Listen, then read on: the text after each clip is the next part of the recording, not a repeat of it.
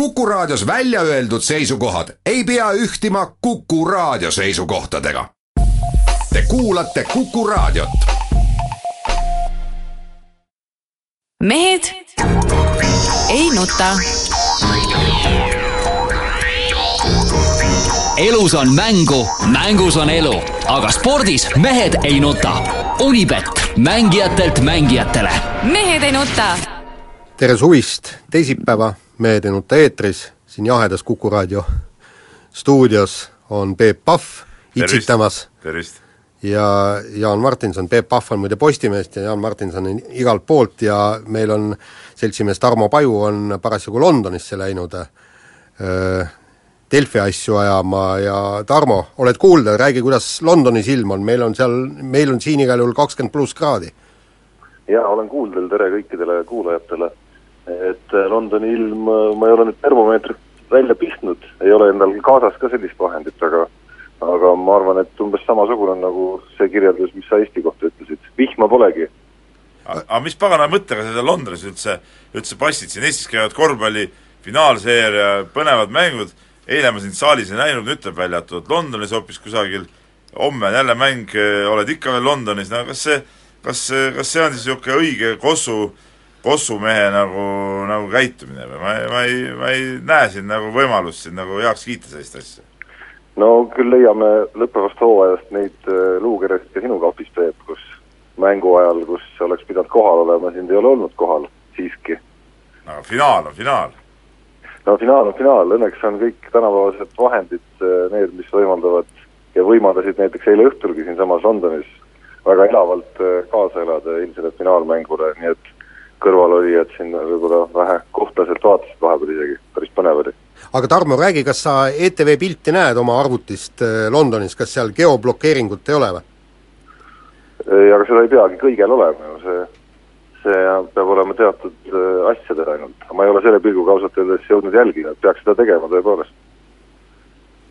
No nii, nii., kas, kas poliitikast, tähendab, mul oleks poliitikast nagu üht-teist muidugi öelda, et, et praegu käib no. äh, oota, Tarmo, ma räägin nüüd oma jutu ära, et, et käib äh, suur möll nende NATO sõ-, sõdurite ja sõjaväelaste üle, kuulasin Kuku raadiost mingit saadet, kus küsiti, et noh, et kas tuhat sõjaväelast siin Balti riikide kohta või et kas seda ei ole mitte vähe, et, et äkki tuua siia umbes, ma ei, ma ei kujuta ette, kolm-neli-viis tuhat NATO sõdurit,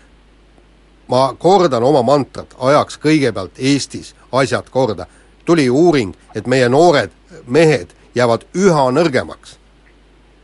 ja, ja, ja, ja selle, selle asemel, et mingit NATO-le siia tuua, teeks, teeks ennast tugevaks õige. panustaks sinna, et meie noored mehed oleks valmis püssi kandma ja, ja sõtta minema. venelased muide, ma ei tea, kas sa luge-, lugesid uudist, VTK normid on jaa, lugesin, loomulikult, see on enda, enda lehes oli pikk lugu, Jaanus Piirsalu sule, sulest VTK normidest. just, täpselt. mida meie passime siin? kas meie ei pea olema valmis tööks ja kaitseks, see on minu mantra ja, ja Tarmo, palju sa granaati viskasid VTK mitmevõistluse sees? vot ma pean ütlema, et see on minust jäänud küll kõrvale, VTK ja kõik muu, aga ütleme noh, põhimõtteliselt olen mina ikkagi veel sellest põlvkonnast, kellel ei olnud lapsena probleeme tunde ja tunde päevi õues olemisega ja kõikide nende spordipäevadel edukalt esinemise ja kõige, kõige, kõige sellega. no jaa, aga granaat siis neid nuti, nutinuhtlusi ja kõike seda veel ei olnud, mille kohta ma pean siit Londonist võin ühe targa mõttega öelda veel, mitte et see midagi originaalset oleks, et Peebule eriti, kes, kes ma tean, on kõikide uute asjade ja tehnoloogia arengu ja kõige vastu, et et äh, kuulasin siin eile Ericssoni ühe juhi loengut, kes kes hoiatas, see on Peep spetsiaalselt sulle, et kõik need väiksed muutused või kõik need suured, suurena tunduvad muutused, mis siin kõik on maailmas toimunud tehnoloogia tõttu, et see kõik on veel väga aeglane olnud, et see, mis järgmise paarikümne aastaga toimub, see on kordades veel kiirem. aga sa käidki mingit saatana, saatana ettekuulutust seal kuulamas, seda enam peaksid kohe-kohe sealt tagasi tulema, et niisugust, niisugust jampsi ei kuulaks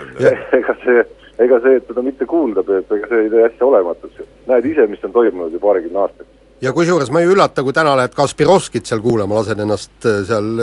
ära nõiduda või? jaa, see selleks, te võite kõik naerda, aga aga noh, ma võrdlen kas või seda, mismoodi praegu noored veedavad vaba aega ja seda, kuidas ise sai veedetud ja ja see on teistsugune. no see ongi saatanast ju. olgem ausad, Tarmo, see on ju aga see, et sa saatanast. seda ütle, see, et sa seda ütled, ei tähenda, et see nagu kuidagi olematuks teeb. ei no jaa, aga selle vastu tuleb, tuleb võidelda ja seda, seda kuulutust tuleb nagu maha salata ja ja kõrvad kinni toppida selle aga sellepärast tulebki, sellepärast tulebki, Peep, tulla siia saatana juurde ja nii-öelda olla kursis asjadega. ei no ma, ma, mina tean sind kui, kui selliste asjade edendajat ja arendajat ja kõva pooldajat, sest et kui sinuga suhelda, siis ju eh, isegi jutuajamise käigus, kui me siin midagi räägime, siis sa oled ju tegelikult ühe silmaga ja näppudega kogu aeg telefonis, et see, et see, sina oledki see ka see ütleme, saatana poolt ära, ära kaetatud no juba. ma tuletan siiski meelde, et Peep, et ka sina oled üks, kui mitte peamine Postimehe spordi veebiarendaja ja alusepanija, nii et ega sinagi patust puhas ei ole, sugugi mitte. no äh, lähme nüüd siis teemade juurde. oota, aga mis poliitminuteid puudutab, siiski ma korra tahan, me unustasime eelmises saates ikkagi lubamatult ühe teema käsitlemata, et Priit Toobali lahkumine poliitikast, rõõmusõnum kindlasti, ja väike imestuse nii-öelda tilgake ka siia otsa, et kuidas üldse selline mees sai sellistel kõrgetel kohtadel Eesti poliitikas nii kaua tegutseda, uskumatu. no jaa, aga see näitabki Eesti poliitika noh, ma ei oskagi mõelge ise mingisugune sõna sinna lõppu välja, aga aga see on tõesti häbiväärne. aga, aga üks asi on veel, et ma ikka ootan pikisilmi, ma usun, Tarmo, sina ka, et et eh, millal siis Jaan teeb nüüd selle avalduse, et ta asut-, astub sinna, nüüd on nagu vaata, vahepeal oli see EOK presidendi valimistel oli seal igast olavankad tulid välja, nüüd on nagu, nüüd on nagu uus, uus, uus humoristide kamp on asunud nagu Eesti presidendiks kandideerima, et millal Jaan nende ridadesse astub? ei, aga ma et, et, et no, viimane aeg nagu välja tulla. kuule, muide, ma just mõtlesin, et, et ilmselt ma küsimus, et et millal sina astud sinna, sest äh, minu, minul on veel nii-öelda piir ees vanuse poolest, ma ei saa, aga teil mõlemal on see olemas. ja, ja kusjuures muide, mul oli seesama mõte, et, et ilmselt me oleme praegu Peebuga kaks ainsat inimest Eestis, kes ei ole mõelnud sellele, et, et saada Eesti presidendiks. aga see selleks, kuule, räägime nüüd spordist ka ja räägime kõigepealt Ott Tänakust, kes Portugali rallil äh, sõitis nagu ikka, tegelikult äh, noh, muljetavaldavalt sõitis siis, kui teel püsis, tähendab, ütleme nii, et, et kiiruskatse algused, siis kui rehvid olid veel jahedad, siis ta ju pani seal splittides kogu aeg miinusseid. nii kui äh, rehvid üle soojenesid, siis tempo natukene langes, aga noh, viiendal katsel juhtus jälle. nojaa, aga ütleme nii, et äh, ega me veel selget pilti päris muidugi nendest uutest rehvidest ilmselt ei saanud nad ka ise ja, ja ei saa me kõrvaltvaatajad ka, et kuidas need siis tegelikult kõikides oludes töötavad, aga aga niisugune kerge kerge positiivne eelaimus äh, ikkagi tuli ja noh, see, et et juhtus see, mis juhtus, no eks tundub, et see koht oli ka nagu keeruline ja, ja noh, kahju, et muidugi et jälle Otil see muidugi juhtus, et aga tehke nüüd, tehke no. nüüd selgeks, ku-, kuidas see asi nüüd täpselt oli ja mis seal siis täpselt juhtus ikkagi, see esimene reaktsioon, mis äh, kuidagi Eestimaale jõudis, oli kuidagi segatud sellega, selle nii-öelda seal eelnenud avarii ja selle tulekahjuga, mis seal ümber toimus, et tegelikult küsimus oli sõiduveas ikkagi vist? ei, ei olnud äh, niivõrd sõiduveas, ütleme nii, et, et tee oli täiesti, nagu mina sain aru, tümaks sõidetud ja ja ta tuli võib-olla tõesti natuke liiga optimistlikult, sõitis kohale ja põhi läks, nagu ma sain aru, vastu, vastu tee, teed ja sellega viskaski selle auto, auto minema, et et sealt oleks võinud, äh, pidanud natukene aeglasemalt tulema, aga, aga noh, kui sul mingit infot ei ole ja, ja noh, samas jälle küsimused on, et et kas tõesti ei saanud äh, eeldada, et see tee muutub äh, sedavõrd kehvaks? no see, seda kindlasti jaa, et, et seal küsimused jäävad üles, et seal, seal noh, niimoodi ei saa öelda, et et nüüd ise, iseendal nagu mingit süüd ei ole, et seda, seda kindlasti mitte, aga noh, minu arust hakata mingit nüüd süüd jälle otsima, noh, ei ole ka nagu otseselt mõtet, et et kui nüüd juhtub sama asi nüüd järgmine, ülejärgmine kord, siis peaks jälle hakkama nagu, nagu nii-öelda peeglisse vaatama ja peaks nagu mõtlema, et et kas, kas kui tempo läheb üles, et kas mees on võimeline üldse sõitma või mitte, aga praegu selle, selle ühe ralli põhjal võib-olla niisuguseid järeldusi ei maksa teha, et, et, et praegu ongi küsimus selles, et et kuidas nüüd ikkagi need, see rehvi teema on nagu see põhiteema, mis ikka Otiga seoses praegu on, et et kas need rehvid nüüd järgmisel näiteks rallil, kus arvatakse, et ilm on veel kuumem, eks ole, et võib-olla seal seal need rehvid ei, ei, ei, ei kesta nii palju kiiruskatsetest ära, et et kuidas ta seal hakkama saab ja, ja ja ütleme, veel selgema pildi siis saame siis, kui siin Poola ja Soome rallid tulevad, mis on nagu siis normaaloludes, eh, mis talle ütleme, rajaprofiililt ja iseloomult on alati sobinud ja ja, ja kuidas nüüd seal, ütleme, selle uue rehviga hakkama saab, et selge on see, et et et kõik ju ootavad ja, ja no ma usun, et, et äh, nii M-sport kui, kui, kui ka Tiimek ja Ott ise, et et ta hakkaks nüüd ikkagi esikolmikusse sõitma ja see, see, see peab see aeg juhtuma. nii, aga nüüd kuulame vahepeal reklaami. mehed ei nuta elus on mängu, mängus on elu, aga spordis mehed ei nuta. Unibet, mängijatelt mängijatele. mehed ei nuta jätkame saadet kiire vahemänguga ja nagu selgub, tegi Õhtuleht äh, Aivar Pohlakut, ehk siis äh, luges kokku Kossu finaali teisel äh, mängul viibinud publiku ja, ja selgus, et korvpalliliit tegeleb pettusega. kirjutas protokolli kaks tuhat viissada mängijat, oli tegelikult tuhat kaheksasada mängijat, et no ütleme niimoodi, et ega see ei ole tegelikult hea tava niimoodi push ida seda publikut üles ka, et, et ma nagu ei süüdistaks väga seda Õhtulehte. no ma ei, ma ütlen nii, et et äh, ühed äh, oinad mõlemad, nagu tähendab, kõigepealt loomulikult korvpalliliit oma, oma totrusega, see, kuidas nad õhust võtavad neid numbreid, eks ole, et see on nagu, see on nagu selgemast selgem, et nii ei saa teha ja see on juba eelmistel aastatel siin juba selgeks tehtud, see asi nii ei tohiks nagu käia ja mingi hetk nagu läksidki need numbrid nagu nagu kuidagi nagu selgemaks ja natuke väiksemaks ja tundusid, et nad on objektiivsed, eks ole. aga noh, ma ei tea, mul ikka tekib küsimus natuke Õhtulehe tegevus ka, et nagu et kas see nüüd on, on siis nagu mingi äh, ajakirjandus, et sa lihtsalt käid mingit publikut lugemas, et see on ka nagu nagu, nagu idiootsus kuubis, et, et, et ütleme, ütleme, ütleme Õhtuleht tegutses idiootselt koos oma, oma ma ei tea, kelle idee see oli seal, Ott Järvela või kelle iganes ja ja, ja Korvpalliliit tegutses muidugi sama idiootselt, kui, kui nad niimoodi neid, neid äh, publikuid üles kirjutavad. no jaa, aga kui Korvpalliliit äh, ei vassiks, siis ei oleks ka Õhtulehel vaja midagi üle lugeda. Tarmo, mis sa arvad? mina, mina küll Õhtulehele siin väga ei tahaks midagi ette heita, noh tõsi, ma täpselt ei tea, kuidas see lugu sündis, et võib-olla see, võib-olla see noh, nii-öelda tegelik, tegelik teostus tuli ikkagi kuskilt jalgpalliliidu no, Tarmo, me kõik teame väga hästi, kuidas, kuidas sellised asjad sünnivad. jaa, Peep, aga isegi siis, aga isegi siis ei saa eitada, et siin mingi teema on olemas, et et ma ei saaks küll Õhtulehele seda kuidagi ette heita, et imestan pigem ikkagi selle üle, et kui korra, korra on nii-öelda juba vastu näppe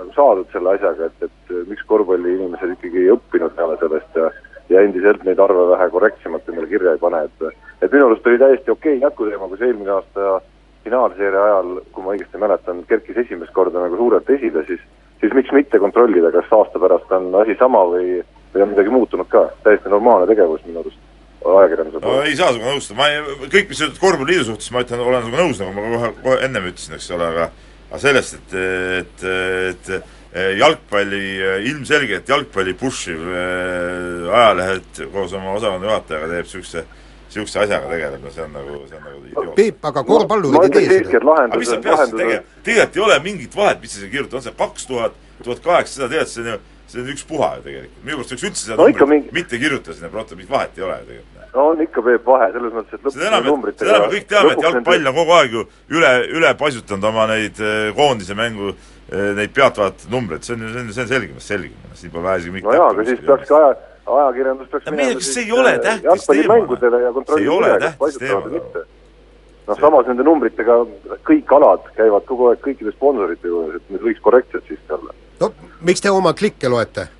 kui te reklaami tellija seda seda, palju neid klikke tegelikult on, ei tea minu arust mitte keegi, tähendab, see on, see on ka selge, selge, mis klikid tulevad küll ja kuskilt, mis ei tule. no okei okay, ma ei viitsi neid ammu enam lugeda. jaa, kuule, võtame nii. teise teema. okei okay,, nii. Eesti olümpiakoondis on saanud siis äh, kõvasti noort täiendust siin eelmisel nädalal äh, triatloni tütarlaps Kadi Kivioja, Kaidi Kivioja sai see olümpiapääsme ja laskja Peeter Olesk sai olümpiapääsme, et noh, mis ma oskan ütelda, Jaan on siia kirjutanud, kas kiidame heaks noh, mis, ega me eh, halvaks ka ei kiida seda. no ütleme niimoodi, et, et äh, mõlemad on noored, vaat siis, äh, siis noh, tekkis kahtlusi, kahtlusi, kui tõesti noh, okei okay,, siin ei ole mingit susserdamist, eks. et, et äh, üks sai edetabeli kohaga, teine oleks, sai wildcardiga, et, et tõesti, oleks tekkinud küsimus, kui lask- äh,, laskurliit oleks andnud selle wildcardi mõnele tõesti nelikümmend pluss Äh, sportlasele, aga kuna ta eelistas äh, Peeter Oleskit, noh tulemused olid neil võib-olla võrdsed, noh Olesk oli võib-olla natuke aga laskus ongi nelikümmend pluss, ongi õige. on küll, aga, aga, aga, aga ma usun, et, et Oleskist saab asja täpselt nagu Kiviõest, et Londoni või mitte Londoni, Tokyo olümpiamängudel me kuuleme neist ja nad saavad sinna mitte nii-öelda tagumiste seas, vaid vähemalt keskmiste seas. No eriti lahe ja meeldiv üllatus oli minu arust, kui Oleskist me oleme ju kuulnud äh, varem ka, et noh, võib-olla võib ette heita, et pole lihtsalt piisavalt ise jälginud, aga aga Kaidi Kivioja on kuidagi palju märkamatumalt isegi, isegi kerkinud see oli küll huvitav, huvitav väide, ma tunnistan ausalt, et ma Kaidi Kiviõja tulemust ma olen palju rohkem kuulnud kui, kui kellestki Peeter Oleskist. kuule, Peeter Oleskist ma isegi Postimehes tegin suuri lugusid ja Aa, kõik, et ta, ta on ju juunioride tiitlivõistluste et mina, mina, mina, medalist. mäletan, mina mäletan seda, millele Jaan, millele Jaan vihjab, aga Kiviõe ühel hetkel äkitselt MK-etappidel esikümnes, noh, väga kõva. ja kõik rääkisid äh, Laatinist, et tema võitleb olümpiakoha nimelt ja siis järsku kuskilt selja tagant hiilis äh, Kiviõe ja, ja, ja murdis ennast Rio de Janeirosse. nii, aga võtame järgmise teema ja ja meie äh, kuulsad kolmikõed äh,, Liina Lili ja Leila Luik äh, selgub, et on ilmselt Rio de Janeiro olümpiamängude suurimad nii-öelda meediastaarid ja, ja üllatav oli kuulda, et et juba siin Eestis kõik suuremad uudisteagentuurid, Reuters, Associated Press, sakslaste uudistekanalid, kõik tulevad siia, võtavad terved, terved tiimid kaasa, filmivad neid üles, teevad igasuguseid uudislugusid, pildistavad eest ja tagant, et et, et kuna kunagi varem pole kolmikud ühtedel olümpiamängudel võistelnud, et, et ma kujutan ette, et olümpiakülas läheb neidudel ikka väga hapraks. aga minu arust see on natuke tobe, tobe asi, et et okei okay,, nojah, kolmikuid ja kõik on tore, aga tegemist ei ole noh, kahjuks äh, kindlasti niisuguste neidudega, kes siin võitleks nagu kõrgete kohtade eest, et et äh, nüüd teha nii õudne asiotaaž selle ümber, noh, minu arust see ka ei ole nagu õige värk. jaa, aga eks sa, Peep, tead ju hästi, kuidas Sport on ikka äh, tulemus. e- e- jah, enda käestki seda, kuidas ikkagi ükskõik mis reisil, eriti olümpial ikkagi, käib ka selline väga väga meeleheitlik lugude otsimine nagu väljaspool sporti, et aga see, see asi tuleb ära lõpetada ja ma loodan, et, ma loodan muuseas, et see, seekord olümpial äh, seda niisugust neid äh, totakaid märkide, ma ei tea, mis vimplite ja, ja ja ma ei tea, mis, mis söögid ja, ja niisuguseid lugusid ma loodan enam ei ilmu Eesti spordiajakirjanduses. aga mis, see on ju sinu kontrollida, Peep. ei no ma ütlen, seni ka. Postimees, ma loo-, ma loodan küll, et me suudame läbi ajada nii, et me ei pea niisuguseid lugusid tegema. nii, aga nüüd on uudistepaus. Mehed ei nuta. elus on mängu, mängus on elu, aga spordis mehed ei nuta. Unibet, mängijatelt mängijatele. mehed ei nuta. jätkame saadet, Kuku raadios siin Peep Pahv, Jaan Martinson ja Tarmo on meil slummide vahele, vahepeal Londonis ära kadunud, et loodame, et saame kuidagi ta liinile või võib-olla on oma nutiseadmes seal näpi no, peal. no muidugi ta on nutiseadmes, jah. Et, et ja ma ütlen, ei maksa seal välismaal nii palju ringi, ringi tuterda, siis kaovadki inimesed ära. aga läheme kirjade rubriigi juurde, kirju on loomulikult nagu alati palju ja, ja võtame siin otsast, otsast kohe peale ja eh, küsib Jüri, Jüril on tegelikult korvpalliküsimus, seda, seda me räägime, lahendame pärast neljandas osas, aga küsib Andrus, Andres Räni, Rähni meie käest, vana kirjasaatja, et eh, märgib ära, et Eesti ujumisel pole, pole just kõige parimad ajad. et EM-it saades üks poolfinaali koht, eh, segateate ujumises saadi küll finaali, aga no see on nagu naljanumber, kuna seal lihtsalt eh, keegi ei kvalifitseerugi rohkem, eks ole, ja tundub, et käes on aeg, kus peame tunnistama, meie vanemate tegijate aeg on läbi. Ja, ja nooremad õnnelikud, ujuvad Eesti rekordid, mis tähendab, tähendab aga kindlalt poolfinaalist väljajäämist. no öö, ma olen seda ujumist siin öö, tõesti jälginud ja, ja olgem ausad, et me olime küllaltki kriitilised ka eelmise põlvkonna suhtes, sest leidsime, et, et lühikeses basseinis medali, medaleid noppida on tore küll, aga proovi sa pikas basseinis ka midagi nüüd me ei suuda sedagi enam. nüüd me ei suuda seda, me ei suuda mi- mitte midagi, enne oli niimoodi, et, et ikka pika, pikas basseinis vähemalt poolfinaali kohti saime. Aga, aga nüüd ei ole sedagi, nii et, et need noored ujujad peaks lõppude lõpuks jalad kõhu alt välja võtma ja ka need, kes meil seal väljamaal ujuvad, Gregor Tsirk ja Ralf Tribuntsov, mida te seal teete Ameerikas ja äh, Inglismaal, te ei olnud väga head EM-i ajal. oota, Tarmo, sa oled tagasi, nagu ma aru saan, liinil, eks ole? jaa, ma olen tagasi, jah. nii, sa oled, oota, sa oled praegu Londonis, mida, mida seal siis, miks mehed ei uju siis, kui, kui Inglismaal õpib seal see sirk, eks ole, mis sa oskad selle kohta ütelda? Ja no Gregor Sirgi kohta ma siiski nii palju segaks vahele, et noh, ta on ikka veel nagu, ikka nagu harva esinevalt noor Eesti tippsportlase kohta, et et äh, talle vast võiks veel natukene aega anda, aga aga muus osas minu Londonis viibimine ei ole kuidagi selle ujumise EM-iga seotud ja ja, ja ütleme, et ei ole siin kohanud ka erilist äh, analüüsi kohalikus meedias ei Eesti ega, ega rahvusvahelise ujumise osas. aga sinus on see niisugune uuriv ajakirjanik on nagu kadunud, et sa Siin on- nagu ei tegele, sa oled kohapeal seal, aga sa ei suuda nagu, nagu ütleme, nagu olulise, Eesti spordi jaoks olulise teemaga tegeleda, selle asemel kuulad mingit, mingit pupujukude ettekandeid seal, tead noh. no siin on vähe muud teemad ikkagi, ma räägin, et äh, eesotsas Jose Mourinho, eesotsas sellega, et millal saab Jose Mourinho välja kuulutada selle eeldus on siis see, et Louis van Gaal on Inglismaa pinnalt lahkunud ja siis saab selle ära teha. okei okay. no see on muidugi, Morino uudis on muidugi hea uudis, sest et äh, paremat jalgpallitreenerit on, on raske tahta, nii. aga kirjutab meile siis äh, Endel ja, ja juhib tähelepanu Ai-, Aivar Kuusma ühele äh, väljaütlemisele, et äh, kus ta siis iseloomustas siin kunagisi neid üheksakümne esimese aasta liidu meistreid korvpallis, oma meeskonnakaaslased ja ütles enda kohta ka seda, et et olin loll, et noore, noorena individuaalselt enda kallal piisavat vaeva ei näinud, et noh, nüüd vanema mehena saab, saab sellest alles aru no.. et noh, eks kuidas öeldakse, et ega see mõistus jõuab ikka liiga, liiga, liiga hilja tihtipeale nagu koju. jaa, aga ma tahangi siin, siin just öelda, et, et et no-, nooremad korvpallurid, kuulake vanameistrit. Ja, ja mõelge nüüd, kas, kas teie olete individuaalselt enda kallal teinud piisavalt palju tööd või te peate samamoodi, kui olete nelikümmend pluss, viiekümne lähedal, tõdema, et, et pagan, karjäär läks, jäi kesiseks, kesisemaks, sellepärast, et ma olin ise laisk ja tegelesin loll-, lollustega. jah, kusjuures seda nagu noh, mitte hämmastavamalt, aga noh, seda nagu mõjusamalt tegelikult need sõnad kula-, kõlavad Aivar Kuusmaalt, kes ma mäletan äh, aastate eest, kui Aivar Kuusmaa oma korvpallurikarjääri lõpetas ja, ja tegin temast äh, nii-öelda karjääri lõpu või karjääri kokkuvõtvat lugu ja siis muuhulgas meenutas seal äh, Heino Rebane, tema vist oli päris esimene treener või, või üks esimesi, igatahes meenutas olukorda, kus Aivar Kuusmaa oli veel Riias armees ja ei olnud veel tagasi tulnud sealt, aga kui ta kodus vahepeal käis ja siis olid jalutanud mehed mööda linna ja, ja siis Kuusmaa ühel hetkel oli öelnud laused, mis Rebasele eluks ajaks meelde jäid, et et nii, et ma olen seal nii kõvaks saanud seal Riias, et nüüd ma tulen tagasi varsti sealt ja siis ma küsin kõik need Reigamid ja kõik need mehed sealt minema Kalevist, eks, ja noh, nii ta tuli ja tegi ka. ja noh, seda, see kõik toimus siiski tänapäevases mõistes, kui me räägime siin, et meil võtab aega jõledalt, et et noored nii-öelda pildile tulevad ja ennast mängijaks mängivad, see juhtus ikkagi nagu noores eas. ja sellest hoolimata Aivar Kuusmaa tagantjärele ütleb, et, et oleks pidanud palju rohkem veel tegema. no aga kõik, kui me vaatame neid päris tippe, igast Kobe Bryanteid ja ja, ja asju ja võtame siin Okiski, ma alles lugesin, kuidas Aleksandr Ovetškini kohta kirjutati, et kuidas need mehed ongi, trenn lõpeb ära, teised lähevad pesema, need mehed jäävad, niisugused mehed jäävad veel edasi tegema trenni, veel ma ei tea, korvpallis seal tuhat viset või, või, või okis seal laovad seal tühjale väravale veel peale laovad, laovad, laovad, teised on juba ära pesnud, ära läinud, siis need mehed alles tulevad, et nii, nii, nii ongi, no see ongi see individuaalne töö ja, ja sa tahad seda asja teha. ja kusjuures ma olen ise näinud, kuidas Mart Poom on jätkuvalt, oli Inglismaal, oli viimane mees, kes ära tuli, ta, trenn oli juba läbi, veerand tundi, pool tundi, harjutas lahtilööke või midagi,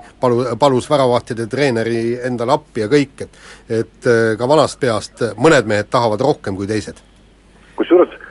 ma ei ole päris kindel, Peep muidugi noortetreenerina oskab siin kõrvalt midagi juurde öelda kindlasti, et et kui palju on võimalik kõrvalt nii-öelda nagu selgeks teha sellele noorele või, või kuidagi õpetada ja muuta tema mõtlemist ja, ja panna seda individuaalset tööd tegema. et äh, ma mäletan, ma mäletan Martin Müürsepa raamatus, Martin Müürsepa raamatus on ta ise tunnistanud ka, et äh, et tal kõrval, noh tema, tema nooruspõlv on ju kurikuulus, eks et, et tal kõrvalt pidevalt olid siis, oli selliseid nõuandjaid või nii-öelda treenereid, kes ütlesid, et sa pead rohkem tööd tegema ja sa pead rohkem siin vähem seda ja teist tegema, aga keegi nagu täpselt, tal oli just selline lause seal, et, et aga keegi täpselt nagu ei öelnud, et kuidas ja kuidas, mismoodi, millal ja mida ta peab täpselt siis tegema. et, et selline nagu õpetamise osa oli tema arust nagu puudu selles. no eks see ongi nagu problemaatiline mitmes mõttes, et, et küsimus on ka selles, et ja siis tänapäeval, noh vanasti võib-olla see saalide teema oli nagu ei olnud nii,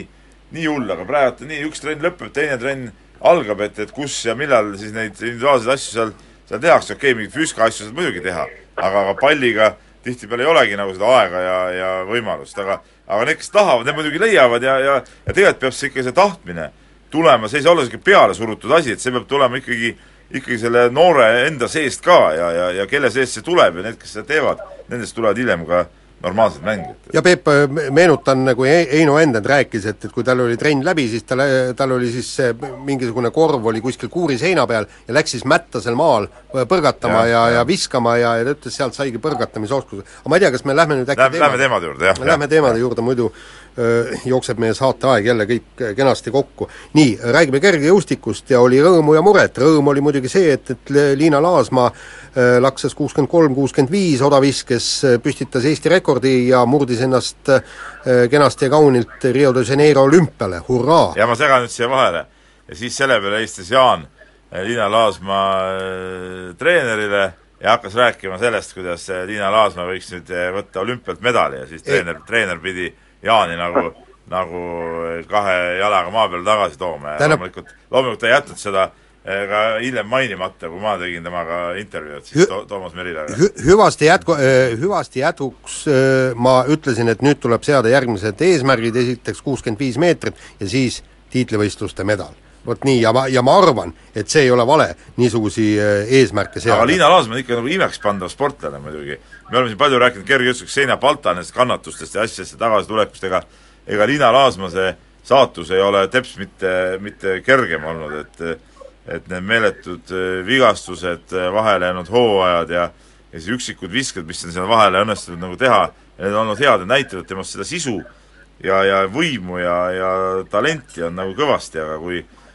kuidas, kuidas nüüd teha nii, et see keha ka sellele kõigele vastu peaks, et, et, et see on nagu see, see põhiküsimus, et kui saaks ükskordki teha ma ei tea, paar hooaega järjest niimoodi, et miski ei sega, no siis, siis võiks see oda ikka päris kaugele lennata, ma arvan. Kusjuures minu arust mingis mõttes on, on tal isegi ju raskem olnud, et Xenia Valtal oli ikkagi kõikide nende vigastuste vahepeal üks selline noh, nii-öelda jutumärkides palgapäev ka ikkagi selline nagu noh, nii-öelda märguanne, mille nimel kõike seda teha tasub, Euroopa sisemeistrivõistluste kuld, eks, et, et Liina Laasmann päris sellist klassi eh, nii-öelda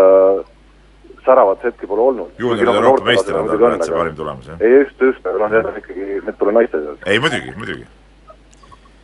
nii, aga äh, lähme edasi järgmise teema peale ja jäähoki maailmameistrivõistlused said, said otsa. Pühapäeval siis su- suure finaaliga äh, Kanada-Soome ja, ja Kanada siis teist aastat järjest krooniti maailmameistriks, aga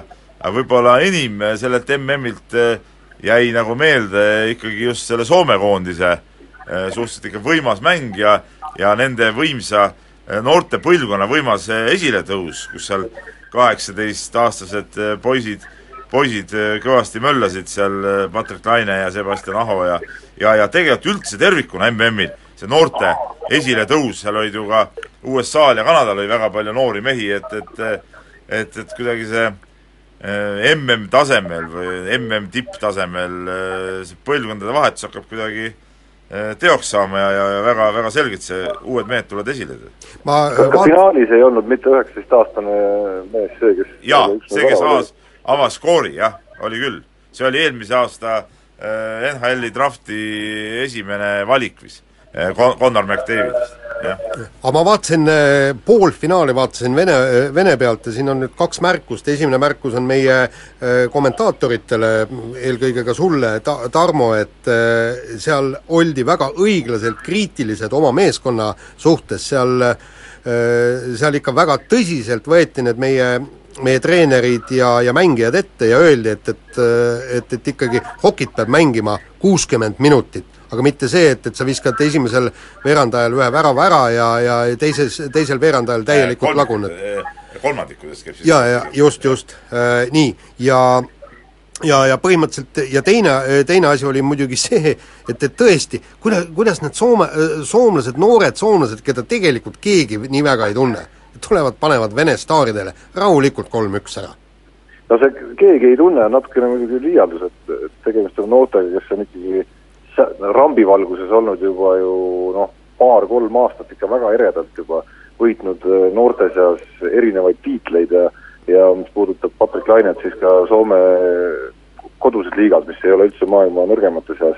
oli mees ikkagi nagu jutuaine number üks juba läbi terve hooaja. no ei ta päris nii jutuaine number üks ikkagi ei olnud, Tarmo, ma siin natuke vaidlen vastu, et seal oli ikkagi ikkagi äh, ka selles U kakskümmend koondises, millega tulid äh, siin maailmameistriks, seal olid ikkagi ka nagu teised mehed mängisid,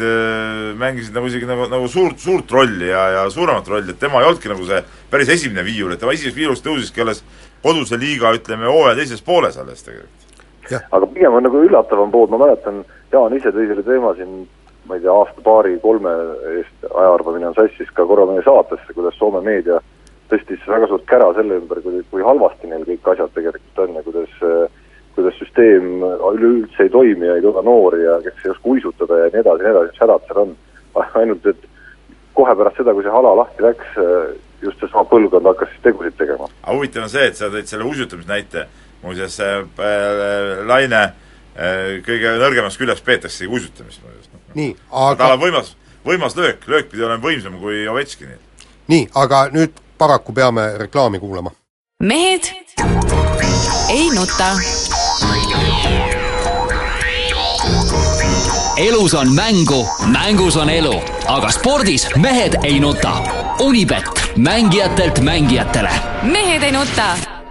Saate viimane osa oleme ajaga taas kord jännis, kiidame siin vehklejaid, Erika Kirpul, Leganos, Legnanos esimene EP-naiskond kolmas MK-etapil ja Eesti võrkpallinaiskond pääses EM-finaalturniiril esimesest ringist edasi, aga ikkagi natukene meil tahaks Okki hokist- natuke veel kripeldama jah, me pa- paar nüanssi on vaja nagu ära rääkida. ja no põhimõtteliselt see, kuidas, kuidas ikkagi Kanada tappis täielikult selle Soome mängu finaalis ära, et, et seal tõesti Soomel ei olnudki mängu. ja, ja, ja äh, ja mängu ei saanudki olla, kui Kanada lihtsalt äh, Soome enda tsoonis tegi niisugust äh, pressi, et Soome ei saanudki sealt mitte mingit mängu avada ja tavaliselt ju niisugustes olukordades ikka tekib neid äh, nii-öelda kontrarünnakuid ja, ja see on päris ohtlik, ohtlikuks taktikaks peetud, aga, aga seekord Kanada võttis seda küll nii hästi, et et need suured Soome, Soome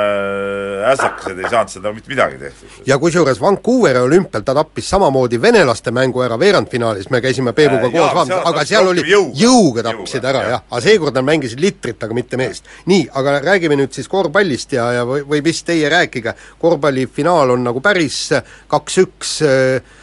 on äh, Kalev Cramole, Rock võitis äh, eilse äh, mängu ja kas seeria kisub ka põnevaks? seitsmes mäng tuleb, Peep ja Tarmo, rääkige. no Tarmo, räägi, mida sa seal Londonis läbi arvutiekraani nägid?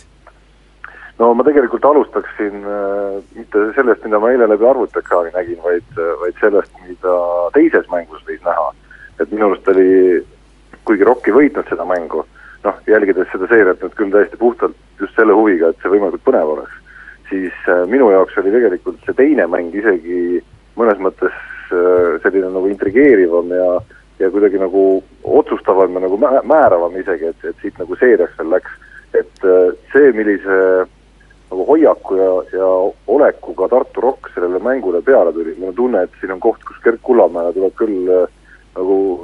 kõvad kiidusõnad saata sinna, et, et mis iganes moel ta suutis